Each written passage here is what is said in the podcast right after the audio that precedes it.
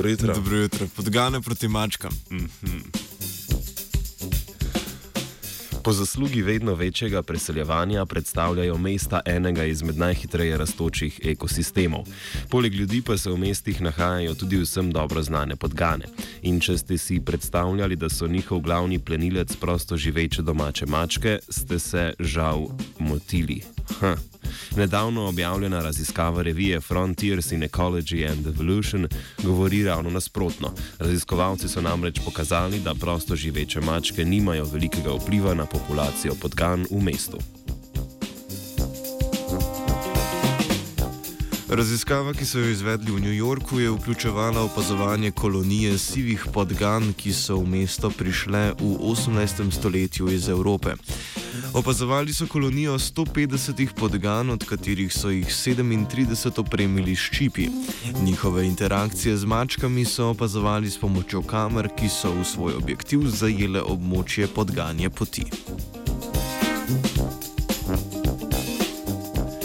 Rezultati raziskave na podlagi analize posnetkov so pokazali, da so se v bližini kolonije podgan zadrževale tri mačke.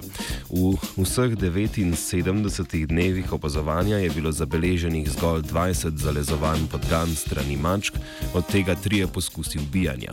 Le dvakrat so bile mačke pri tem dejanju tudi uspešne.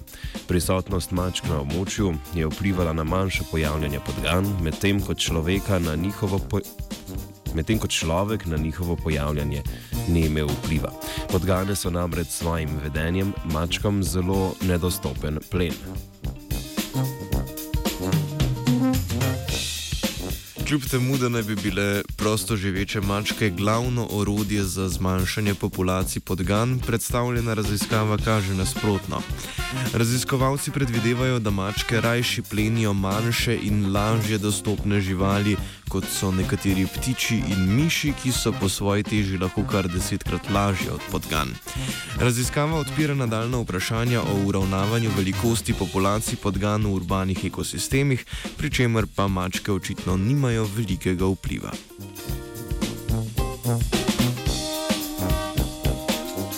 V urbanem ekosistemu se nahaja tudi Sebastian.